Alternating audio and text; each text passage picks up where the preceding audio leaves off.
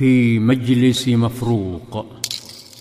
مشى صلى الله عليه وسلم وأبو بكر وعلي رضي الله عنهما بين خيام منى. حتى توقفوا أمام مخيمات بني شيبان بن ثعلبة وكان قائدهم يدعى مفروق بن عمرو. كان رجلا وسيما قد أرخى جديلتيه على صدره.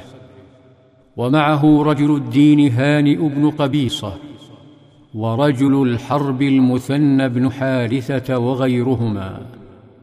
فسأله أبو بكر عن عددهم فقال نزيد على ألف ولن تغلب ألف من قلة وإنا لأشد ما نكون حين نغضب وإنا لنؤثر الجياد على الأولاد.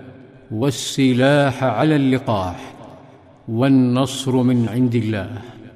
ثم تامل تلك الوجوه المشرقة فأدرك أنه أمام من ملأت أخباره الدنيا فقال لعلك أخا قريش فتقدم صلى الله عليه وسلم فجلس. أما أبو بكر فلم يجلس. بل قام ونشر يديه بثوب يظلل نبيه من حرارة الشمس. فقال صلى الله عليه وسلم بعد أن دعاهم إلى الشهادتين أن تؤووني وتنصروني. فإن قريشا قد ظاهرت على أمر الله وكذبت رسله واستغنت بالباطل عن الحق. والله الغني الحميد. تعجبوا من إجلال أصحابه له وصدعت قلوبهم كلمات المولى حين تلا إن الله يأمر بالعدل والإحسان وإيتاء ذي القربى وينهى عن الفحشاء والمنكر فاعترف مفروق وقال دعوت والله يا أخا قريش إلى مكارم الأخلاق ومحاسن الأعمال. ولقد أفك قوم كذبوك وظاهروا عليك. ثم تكلم رفاقه فأخبروه أن بينهم وبين كسرى معاهدة الا يحدثوا حدثا ولا يؤووا محدثا وأن دعوته هذه يكرهها الملوك. لذا قدموا اقتراحا بأن ينصروه إن تعرض لاعتداء من العرب لا من الفرس. فقال صلى الله عليه وسلم ما أسأتم في الرد إذ أفصحتم بالصدق وإن دين الله لن ينصره إلا من حاطه من جميع جوانبه. ثم قال كلمات تمطر معتنقيها بمستقبل أبيض.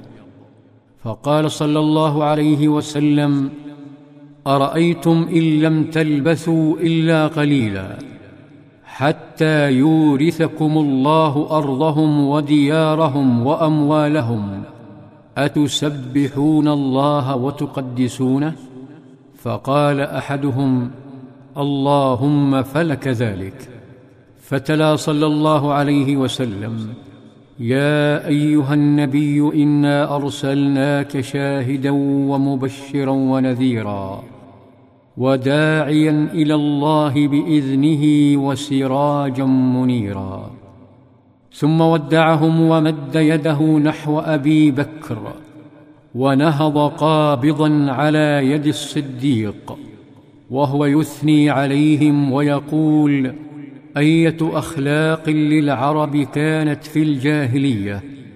ما أشرفها بها يدفع الله عز وجل بأس بعضهم عن بعض وبها يتحاجزون فيما بينهم ثم تحرك مع صاحبيه قليلا فاستقبلتهم خيام كالعطور. استقبلتهم أكرم وأجمل خيام في الدنيا. في ظلال السيرة. في ظلال السيره